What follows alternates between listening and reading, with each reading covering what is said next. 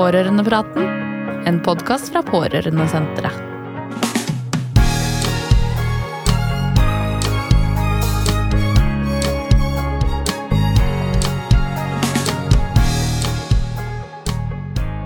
Omsorgssvikt eller vold i hjemmet er kanskje de årsakene som folk flest eh, tenker på når de tenker på hva som kan utløse tiltak fra barnevernet.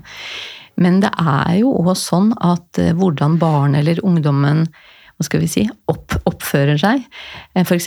ruser seg, er i gjenger som utøver kriminalitet, utøver vold, sånne ting kan også utløse tilbud eller tiltak fra barnevernet. Altså når foreldrene ikke, ikke makter eller ikke får til å endre situasjonen til det bedre. Og, og foreldre blir jo på et vis da eh, pårørende til ungdom som på en eller annen måte ikke har det bra, eller havner på kant med samfunnet. Og, og det å ikke strekke til som foreldre, det kan være ganske vondt. Med meg i studio i dag har jeg Johannas Mohammadro fra barnevernvakta i Oslo, og Susanne Devik Hope fra samme sted. Velkommen til dere. Tusen takk. Tusen takk.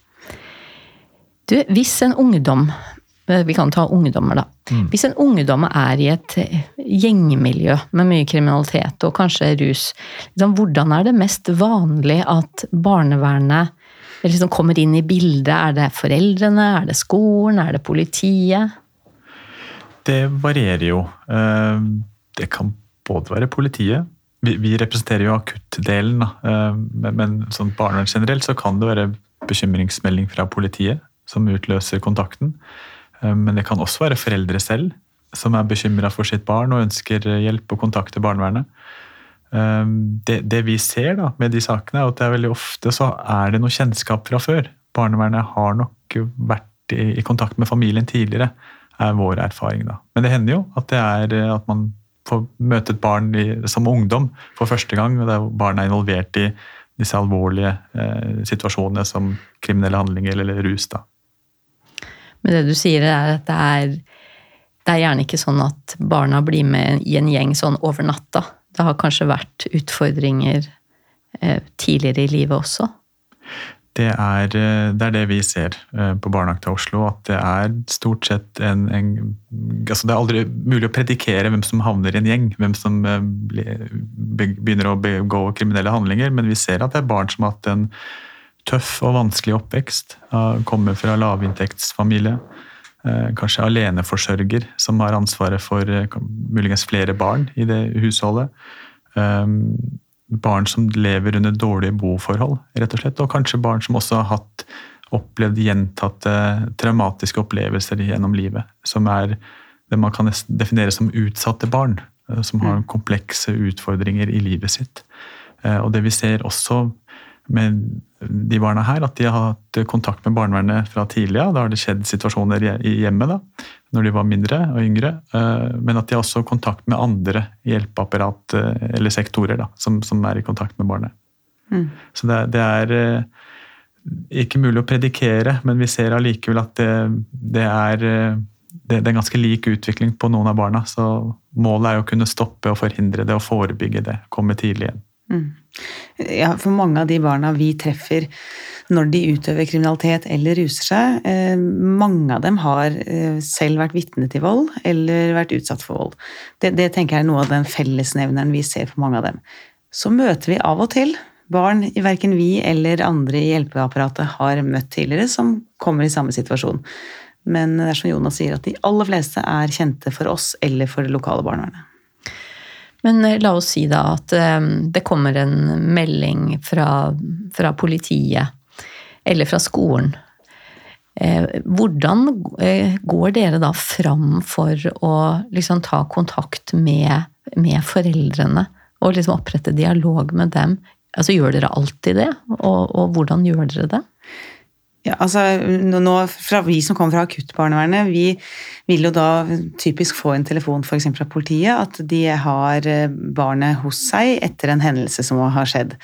Vi, vi spør da alltid har dere snakket med foreldrene. Det er veldig viktig for oss at foreldrene involveres, og det er viktig for oss at de som først kommer i kontakt med barnet, som har førstehåndskunnskap om det som har skjedd, snakker med foreldrene. Eh, men vi gjør også det. Vi ofte så I den akuttsituasjonen så vil vi be foreldrene komme til oss og ha en samtale med dem. og Ha en samtale med barnet, ha en samtale med dem sammen.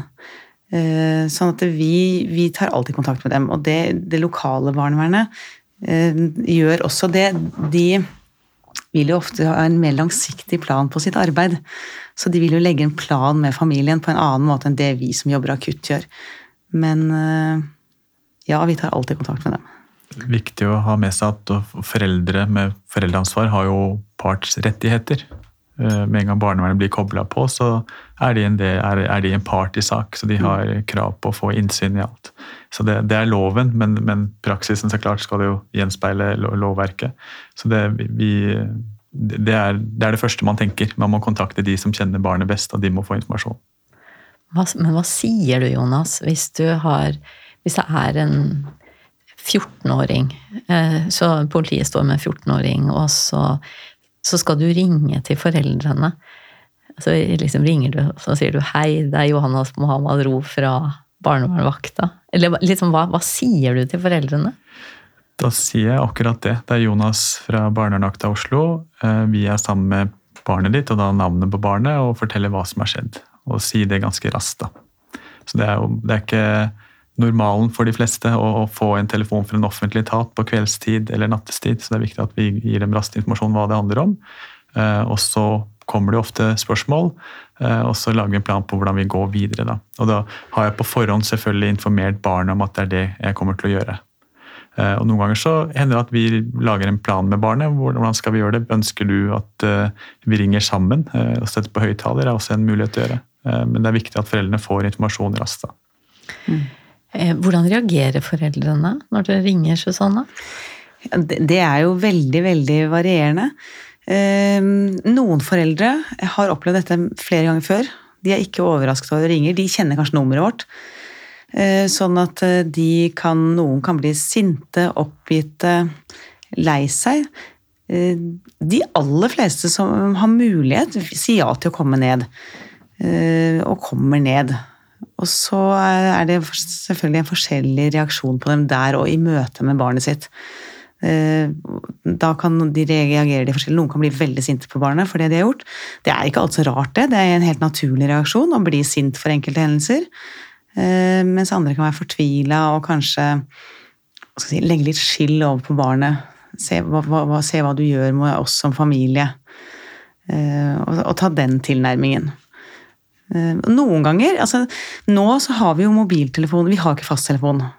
Og det vil si at noen ganger så får vi ikke tak i foreldre fordi at eh, mange har telefonen på lydløs om natta. Eh, sånn at vi ikke får tak i dem. Vi ringer gjentatte ganger. Da hender det at vi må kjøre hjem og ringe på døra. Da kan de jo også bli ganske overraska. Noen vet f.eks. da ikke at barnet engang er ute. At barnet er gått. Så det, det er bare reaksjoner i alle retninger. Og så snakka vi litt om det her med reaksjoner, fordi det hender jo noen få ganger at noen foreldre blir faktisk tar barnet sitt i forsvar og ja, ja. går til uh, typ motangrep. Ja. Enten overfor politiet eller barnevernet at dere tar feil, dette har ikke skjedd, mm. dette er ikke mitt barn. Så vi kan forvente alle typer mulige reaksjoner, for vi møter alle typer mulige mennesker. Og det hender jo faktisk også at foreldrene sier 'men jeg orker ikke mer'. Jeg kommer ikke ned, dere får overta, jeg vil ikke mer'. Mm og så, og så bare avbryter de kontakten. Ja, foreldre som er liksom utslitt. Ja. For eh, sånn i, i, vårt samfunn så tenker jeg det at eh, i hvert fall i, i Norge så er mitt inntrykk at vi, vi legger oss ikke opp i hverandres barneoppdragelse. Mm. At det er veldig sånn Det er litt sånn tabu. Eh, jeg vet, har jo snakka med mange unge voksne som da de var barn, f.eks. var på et kjøpesenter sammen med forelderen sin, og så ble de skjelt ut av forelderen sin, eller at det skjedde noe sånn, og så var det ingen voksne som reagerte. Mm. Og da tenkte barna at ja, men da er det vel greit, da. Altså barn som kanskje har levd med ja, nesten kanskje psykisk vold, eller kanskje også fysisk vold, mm. og så er det ingen andre. Så, så det der med liksom foreldre, foreldreskap, det er noe sånn veldig privat eh, over det, er mitt mm. inntrykk. Eh, og så plutselig, når dere blir involvert, eh, så, så blir jo foreldre liksom kikka litt i korta. Hvordan Altså, er det Opplever dere at foreldre altså Du sa jo det at noen foreldre kan, liksom, kan bli sinte på dere, eller sånn, men, men, er det noen foreldre som snakker om denne fortvilelsen over å ikke liksom få det til, eller? Det hender, det. Det, det. Det, gjør det. Og vi, som Susanne sa, er det alle typer mulige reaksjoner man møter. Man, man ser også foreldre som eh, prøver så godt de kan, som du sa. Eh, og hvis vi er i en situasjon der vi tenker at vi må kanskje be om eh, Der foreldrene ikke makter mer da, i en akutt situasjon, så ser vi også foreldre som i situasjonen ikke ønsker å kontakte noen utenfor eh, familien sin.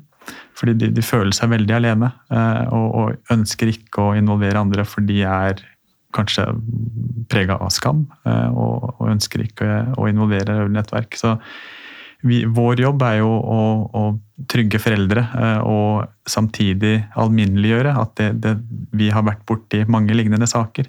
Eh, at vi er vant med å jobbe med slike saker, og at det kan skje i ethvert hjem. og prøve, prøve i hvert fall alminneliggjøre så godt vi kan, da, og dempe den utryggheten og den frykten for at eh, jeg vil bli sett på som en udugelig mamma eller pappa.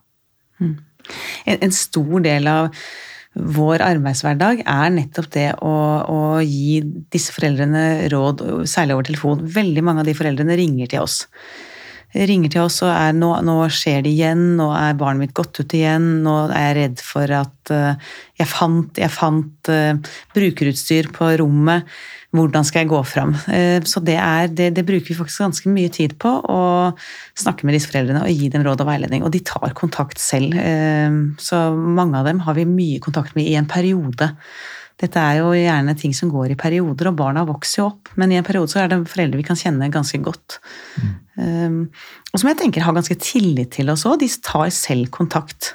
Og da er det jo også lettere for oss å ta kontakt med dem når barnet deres faktisk har gjort noe Eh, og situasjonen har oppstått. Den situasjonen de kanskje har gått og frykta. Ja, for da, da, er det allerede en etablert tillit og en etablert mm. Eh, dialog. Og de vet at de Vi er jo tilgjengelig døgnet rundt. De har jo sin kontaktperson i barnevernet hvis, hvis, det er en sak hos barnevernet, men det er på dagtid. De får mye god hjelp og langvarig hjelp derfra. Men det, disse hendelsene skjer gjerne på kveld og natterstid, og i helgene, ikke minst. Og da vet de at hos oss så er det folk døgnet rundt som de får tak i og kan ringe og snakke med. Så det blir nesten litt sånn foreldreveiledningstelefon? Ja, men det er en del av arbeidsoppgaven vår, så jeg tenker det er helt innafor. Det, det, skal vi brukes til. Men eh, altså, for én ting er eh, hva, altså, at dere da gir Da kan dere gi litt sånn råd eh, på telefon, og, men liksom hva slags eh, hvis vi først skal ta et tilbud, da, altså sånn som foreldre kan måtte, takke ja til frivillig, av tiltak. Hva, hva slags til, tilbud har barnevernet til familier som er i de situasjonene som vi har snakka om nå, da, hvor det er liksom ungdommens eh, oppførsel som er utfordrende, og at foreldrene ikke klarer å få til det helt på egen hånd? Mm. Det tilbudet barnevernet har, er enten å gi noe form for et, eller annet tiltak i hjemmet, eller tiltak utenfor hjemmet. Tiltak i hjemmet vil si at man eh, Eh, gir råd og veiledning, som du sier, enten om det er en akutt situasjon, men over tid. Eh, og det kan også være eh, en type veiledning med, en konkret person som følger familien. Det kan være ulike tiltak som er foreldrestøttende tiltak i hjemmet. Type evidensbaserte tiltak. Og det er det er det man ser har best effekt. Eh, å hjelpe barnet mens barnet bor hjemme sammen med sine omsorgspersoner. Eh, og staffe opp rundt det barnet, og, og, og foreldrene ikke minst. Da, og hjelpe dem på veien. Eh, men hvis ikke det nytter, så har man også mulighet til å komme med tiltak utenfor hjemmet. Og Det kan jo være innenfor den målgruppen her, som handler om atferd, som er det begrepet man bruker i loven. Så handler det om institusjonsplassering. Da, å flytte til en institusjon som kan hjelpe barnet Eh, med å håndtere disse utfordringene barnet står i, og, og hjelpe over tid. Det kan være kortvarig, men det kan også være langvarig, opptil et helt år. Men eh, jeg får lyst til å liksom spørre enda mer konkret. Eh, altså, eh, hvis vi tar de tilbudene i, i hjemmet Det du sier, betyr det at det kan komme et menneske fra barnevernet hjem til familien og være liksom sammen med familien hjemme rundt middagsbordet? Altså, så, er det så konkret? Ja, hvis det er eh, et av målene, at det er under middagsbordet ting skjer, at det bør være noen hver til stede, så kan det være en mulighet. Veldig ofte så vil det være et antall eh, på en måte timer i løpet av uka en, en eh, miljø, altså kontaktperson skal være hos familien. Um, så det er jo i, samarbeid med familien å finne ut av hvor omfattende behov har barnet og foreldrene til hjelpen, og så prøver man å lage en plan på Eh, hva som passer best for familien. Eh, men man har jo noen konkrete tiltak der man skal kartlegge eh, og følge opp med faste møter med familien også. Så det fins ulike tilbud. Jeg vet ikke om det er noe mer på altså, det, Susanne, som du har? Noe av det som er kjernen og det veldig utfordrende i disse sakene, hvor det er barnets atferd som er Problemet er å finne ut av hvorfor har barnet denne atferden.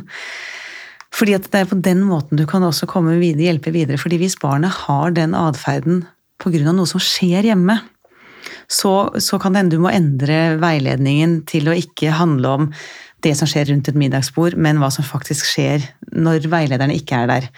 Det kan jo skje, det kan være foreldre som er i så stor konflikt at barnet får den atferden. Da hjelper det ikke at du veileder hvordan det barnet oppfører seg under middagsbordet, eller så det er der du må starte å finne, prøve å finne ut hvorfor oppfører dette barnet seg sånn. Og det kan ta veldig lang tid. Det kan, kan spørre barn. Barnet har jo sagt at dere må spørre meg hvorfor oppfører Og så gjør vi det, og så er det ikke sikkert barnet svarer på det før det kanskje er gått et år. Sånn at er, disse sakene er veldig, veldig vanskelige.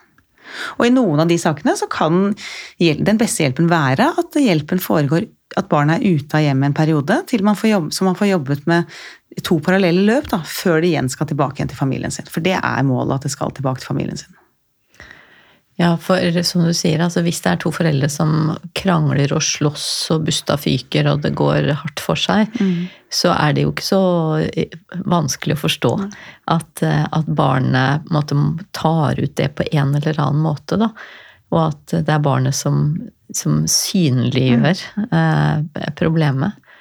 Og da er det jo veldig godt å høre at da, da, er det ikke barnet egentlig som må forandre seg, da er det foreldrene som må få veiledning og behandling og parterapi og kanskje alternativ til vold og hva vet jeg, for, for at barnet skal måtte, få det bedre, da.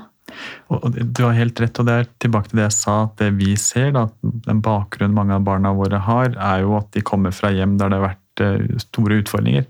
Eh, og det jeg har erfart, er jo at man, man, jeg syns det er vanskelig til tider at man kommer til det punktet at det er barnet som er i fokus, og barnets atferd som er i fokus, og så vet man at det kommer av en veldig tøff og vanskelig oppvekst. Mm. At årsaken har vært eh, under barndommen, og så er det barnet som er fokus, og barnet selv kan oppleve at 'jeg er problemet', 'jeg er den som lager støy' eh, og må fikses på, men, men, så vet man at det er en, en lang historie, og det er ikke rart at barnet er hvor barnet er. Eh, så det, det, er, eh, det, er, alltid litt utfordrende å, å stå i de situasjonene. Men, men det, hovedgreia er at barnet må ha en trygg base. og Hvis man har det, så kan man jobbe med den trygge basen. Hvis ikke, så må man tenke utenfor basen midlertidig. Men som Susanne sier, så ønsker man alltid eh, at barnet skal hjem igjen, og man må også jobbe med hjemmesituasjonen parallelt, da, som Susanne sier.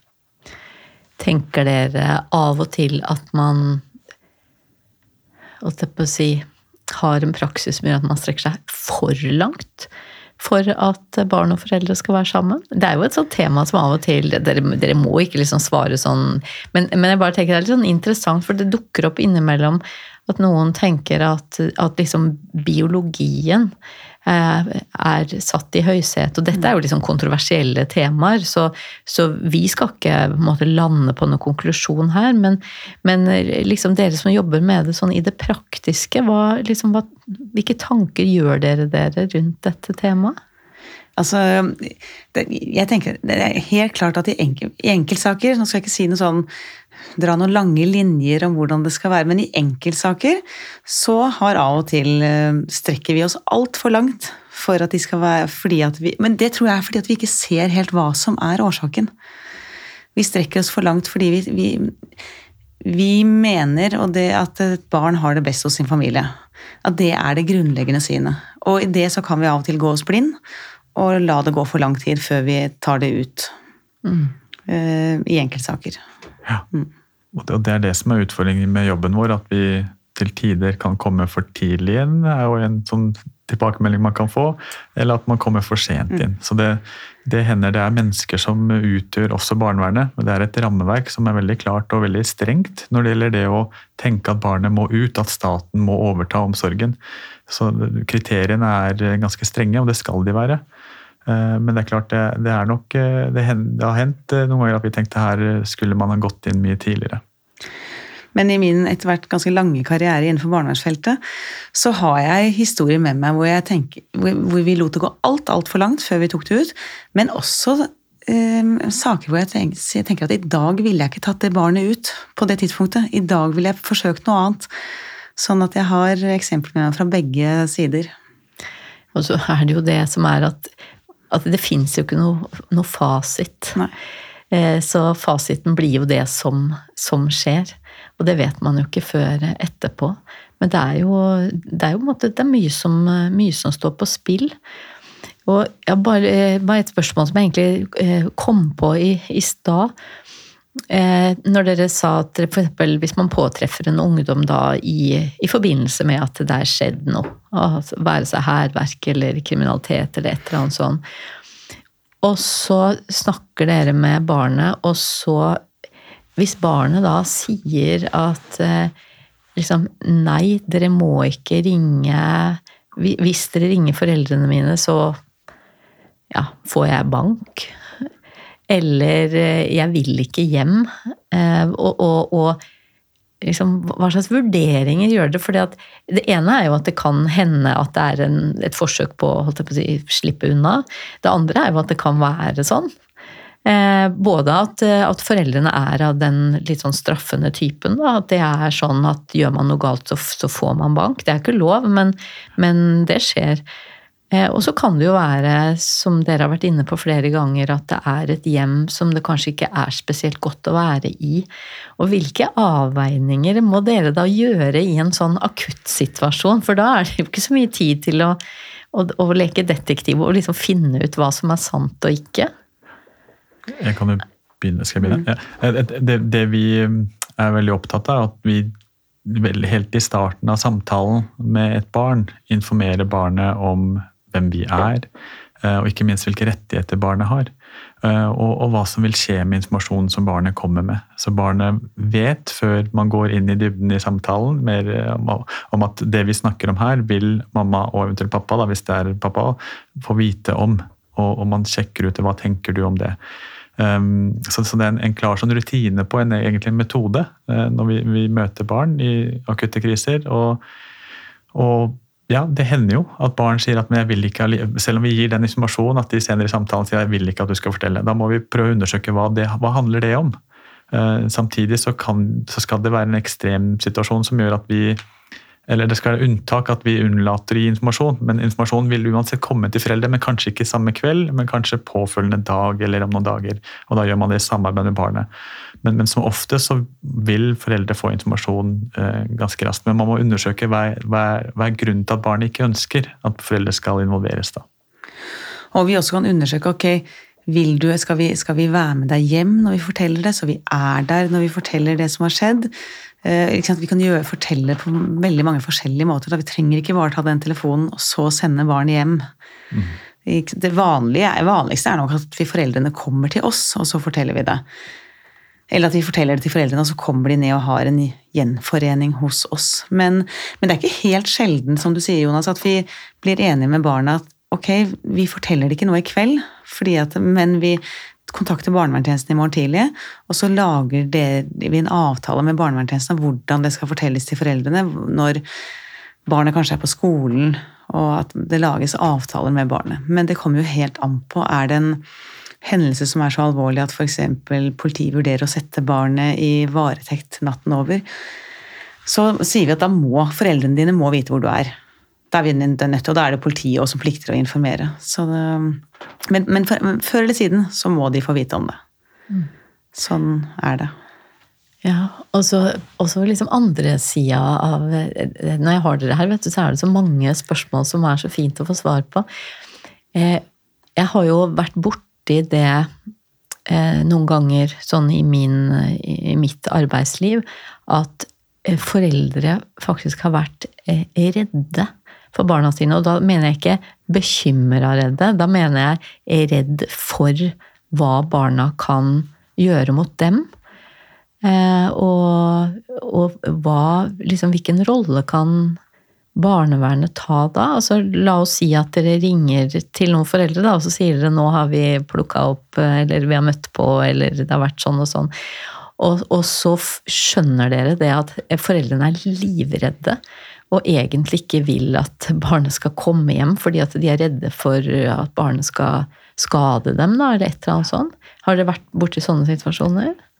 Det skjer stadig vekk. Ehm, da er det jo prøve å finne en løsning på, på situasjonen. Hvor skal barnet? Barnet, Hvis foreldrene ikke tør, ikke makter, og kanskje det er andre søsken som foreldrene også er bekymra for, og som har vært utsatt for at eh, det barnet som er hos oss, da har utsatt eh, foreldrene for vold og de andre barna også er vitne og utsatte for det. da.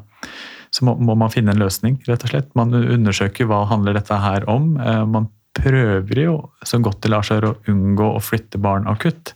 Eh, men, men, hvis foreldrene ikke makter, ikke tør, så må man finne en løsning. Så da tenker man jo øvrig nettverk, familie. Er det noen som kan eh, passe på barnet? Eller så har man også et offentlig apparat som kan overta barnet, barnevernsinstitusjoner, akuttinstitusjoner. Ja, så, så, det fins, altså. Så hvis dere står med en, en 16-åring som er eh, holdt på å si, gåstegn, da, utgjør en fare for foreldrene sine, så, så kan den 16-åringen da komme til et sted med eh, altså en offentlig institusjon med personell, sånn at ikke foreldrene kommer i en farlig situasjon. Det fins det flere av. Flere institusjoner i Oslo kommune. Der det er profesjonelle eh, miljøterapeuter som er vant til å ta imot barn i, i krisesituasjoner. Så det, det, det fins. Vi, vi, som sagt så er det, det er en, en, vanskelig situasjon å stå i for barnet. For barnet vil jo oppleve å bli avvist. Må, men, det, men det, som vi snakker om på vakta, at det er en grense for hvor mye avvisning barnet skal stå i. Vi ønsker aller helst at det skal bli en gjenforening. Eh, men hvis foreldre er utrygge og ikke tør å ha barnet, så må man finne en løsning. Og noen ganger er jo det med rette. Altså Noen ganger så er faktisk barn i en situasjon hvor de faktisk er, kan være farlige for, sine foreldre.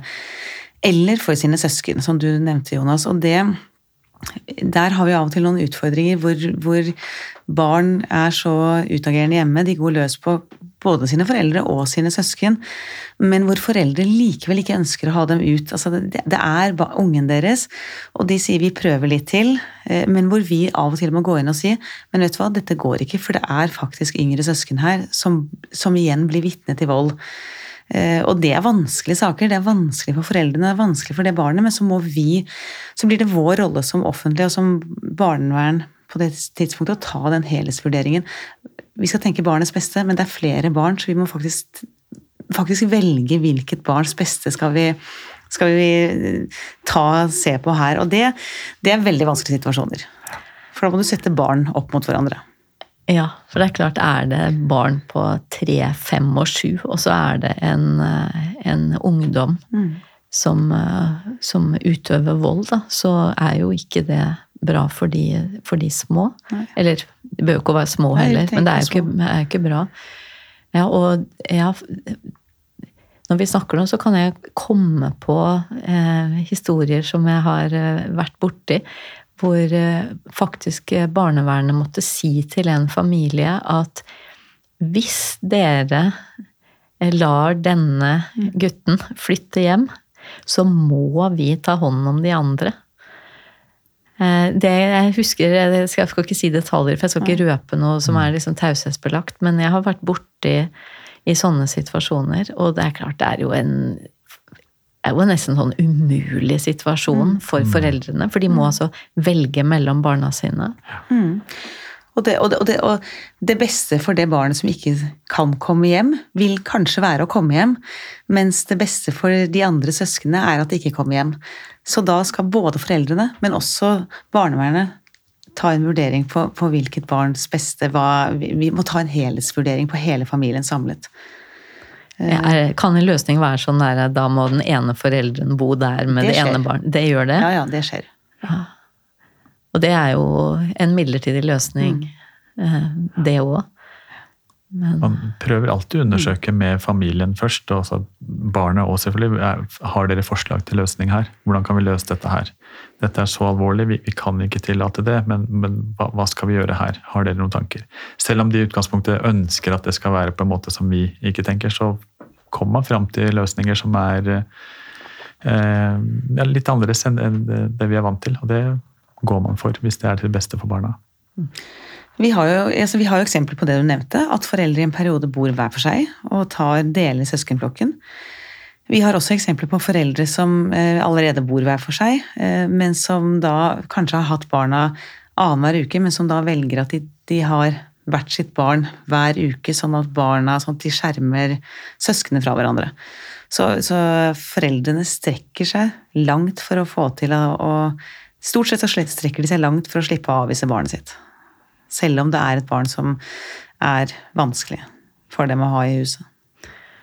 Ja, det høres ut som utrolig krevende situasjoner. Eh, og jeg tenker dere har jo begge to lang erfaring, eh, så jeg kunne veldig godt tenkt meg å høre om dere har noen sånne eh, ek eksempler som dere har vært borti hvor, hvor, det, hvor det har blitt gode løsninger. For det, det er på en måte mye som er vanskelig og vondt å snakke om, men det er noe litt sånn inspirerende med å høre noen, noen gode eksempler som viser at, eh, at det nytter.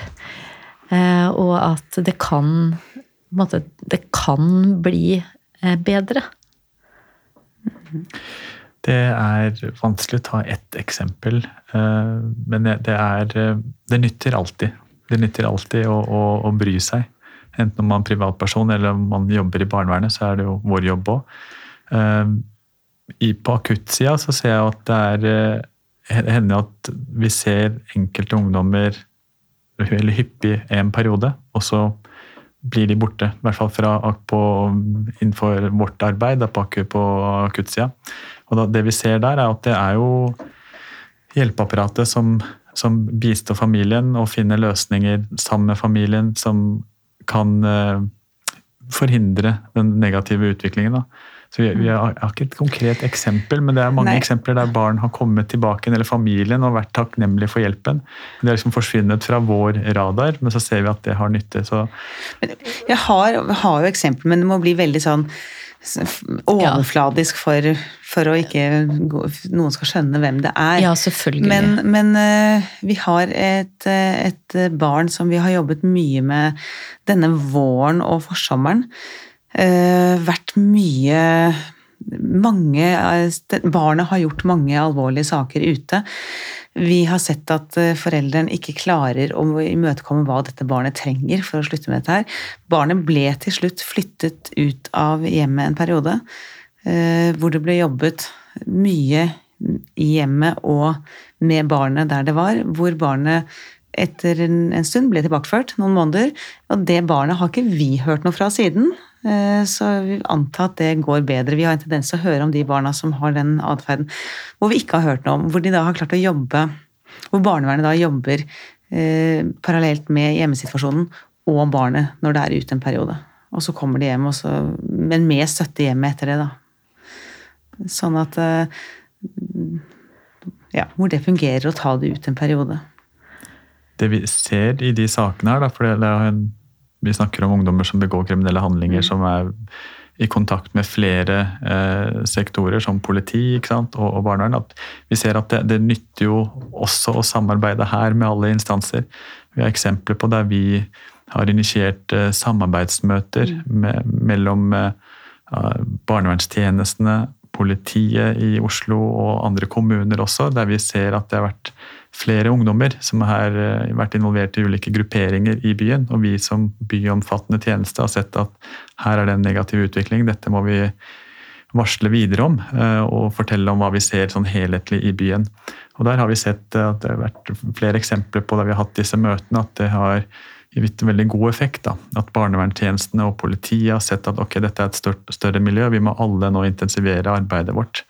Så En ting er jo mm. hjelpen i hjemmet, med foreldre og barn og, og ha fokus på å følge opp de veldig tett, men også hjelpeapparatet alle de må også samarbeide veldig tett. Da. Og de eh, gangene hvor vi har gått sammen med sånn byomfattende og tenkt at nå må vi gjøre det, vi må ha flere bydeler inn, så har vi også gått helt inn til foreldrene og spurt er det greit for dere at her deles informasjonen på tvers av andre foreldre og på tvers av bydeler. Kan vi snakke om deres barn? Og da har vi Jeg kan nesten ikke huske at vi har fått nei fra foreldre på det. I de gangene vi har gjort det. Da, da vil foreldrene det, og så går vi inn og da deler informasjon, og så har vi fått brutt opp de miljøene. Vi har hatt ganske de ganger, Det er ikke så mange ganger vi har gjort det, men de gangene vi har gjort det, så har vi hatt ganske hell med det, vil jeg si, sånn i all beskjedenhet.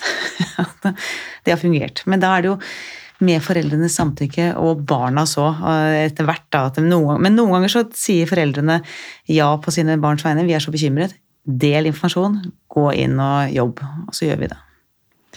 Ja, og det tenker jeg er veldig viktig å minne om at det er så mye som kan gjøres hvis man får samtykke. Mm. Og at det å jobbe litt med også å ja, forklare hvorfor og, og, hva det betyr, og hvilken informasjon som skal deles. Mm. For det, det, er jo sånn at noen Altså det er jo ikke carte blanche til å dele liksom alle typer informasjon, men at det er liksom noen typer informasjon som er nødvendig å dele for å, for å få det til. Mm. Eh, sånn helt eh, avslutningsvis så kunne jeg bare ha lyst til å spørre dere at hvis, hvis dere hadde eh, holdt jeg på å si, fått tildelt en stor sum penger Det kommer ikke til å skje, så det er helt hypotetisk. Men, men hvilke altså, hva, hva, tenker dere hadde vært fint å måte, investere i for at færre familier skulle ha det vanskelig, og færre ungdommer skulle hva er det man sier, havne på skråplanet. Hva, hva kommer noen ønsker være, så kan vi jo håpe det at det er noen bevilgende myndigheter som hører på mm. denne podkasten og som tenker at å ja, det må vi bevilge penger til. Jonas, du kan begynne. Lovpålagte, likeverdige lavterskeltilbud. Forebyggende arbeid. Mm. Tidlig innsats. Det er det jeg kan henvise til. Altså det er det, jeg har kunnskapsstøtte på det området her, forskningsstøtte, at det er, det er, det som fungerer, å komme tidlig inn. Eh, og Jo tidligere inn man kan komme, både ut fra alder, men også problemet som har oppstått, jo bedre og større effekt og sjanse har man for å lykkes. da. Så Det er det å, møte barna tidlig, altså møte foreldre når de er i, før de har blitt foreldre. At hjelpeapparatet alle de er til stede og sier at dette, vi fins. Eh, ikke bare barnevern, men det fins mange andre instanser som er der for deg hvis du trenger det. Eh, men også når barna har kommet til verden, at man vet at det fins mange rundt, og, at det fins trygge voksne ute i, bybildet som ser barna skole osv. Og, og helt enda mer overordna enn det, sånn midt i en valgkamp, så tenker jeg altså fattigdom og barnefattigdom, men altså bekjempe det. Vi ser at de vi møter, det er som Jonas startet med å si, det er belastede familier, og veldig mange av dem er lave inntektsfamilier. Sånn at uh, bekjempe fattigdom, tenker jeg Hadde jeg fått masse penger, det skulle jeg bekjempe. Da tar du fattigdom, jeg tar forebyggende arbeid. Ja. Veldig bra. ja, det høres eh, det høres veldig, veldig fornuftig ut. Å utjevne sosioøkonomiske mm. forskjeller. Eh, gjøre det mindre avhengig av hvilken adresse du vokser opp på. Mm. Hvordan eh, du har det. Også god oppfølging av, av si, ferske, ferske, familier. Mm. Ja, men da har vi formidla det, at uh, her er det liten tvil om hva det må satses på, og det stemmer jo overens med så mye annen forskning. Det er bare dessverre litt vanskelig å måle forebygging mm. eh, i kroner og øre, men eh, det er, jo, det er jo det beste. Og det vi har snakka om i dag, er jo at det kan være det kan være og er vanskelig å være foreldre iblant. Eh, og at det også kan være skamfullt og at det er litt litt, kanskje litt for privat, det å, å, være foreldre. Men det å da ha et nettverk, det å ha gode tjenester, tilgjengelige tjenester, eh, det kan være helt avgjørende for å snu en eh, uheldig utvikling. Og at vi må reklamere litt for, for barnevernet, som faktisk har både tilbud og tiltak som eh, de kan eh, tilby for familier som er i vanskelige situasjoner. Og Jonas Mohammad Ro og Susanne Devik Hope, tusen takk for at dere kom i dag. Takk for at du fikk komme. Tusen takk. Du har hørt Pårørendepraten, en podkast fra Pårørendesenteret. Du finner flere episoder og ressurser på hjemmesidene våre, pårørendesenteret.no, pårørendeprogrammet.no og ungepårørende.no. Podkasten finner du også på de fleste steder der du lytter til podkaster.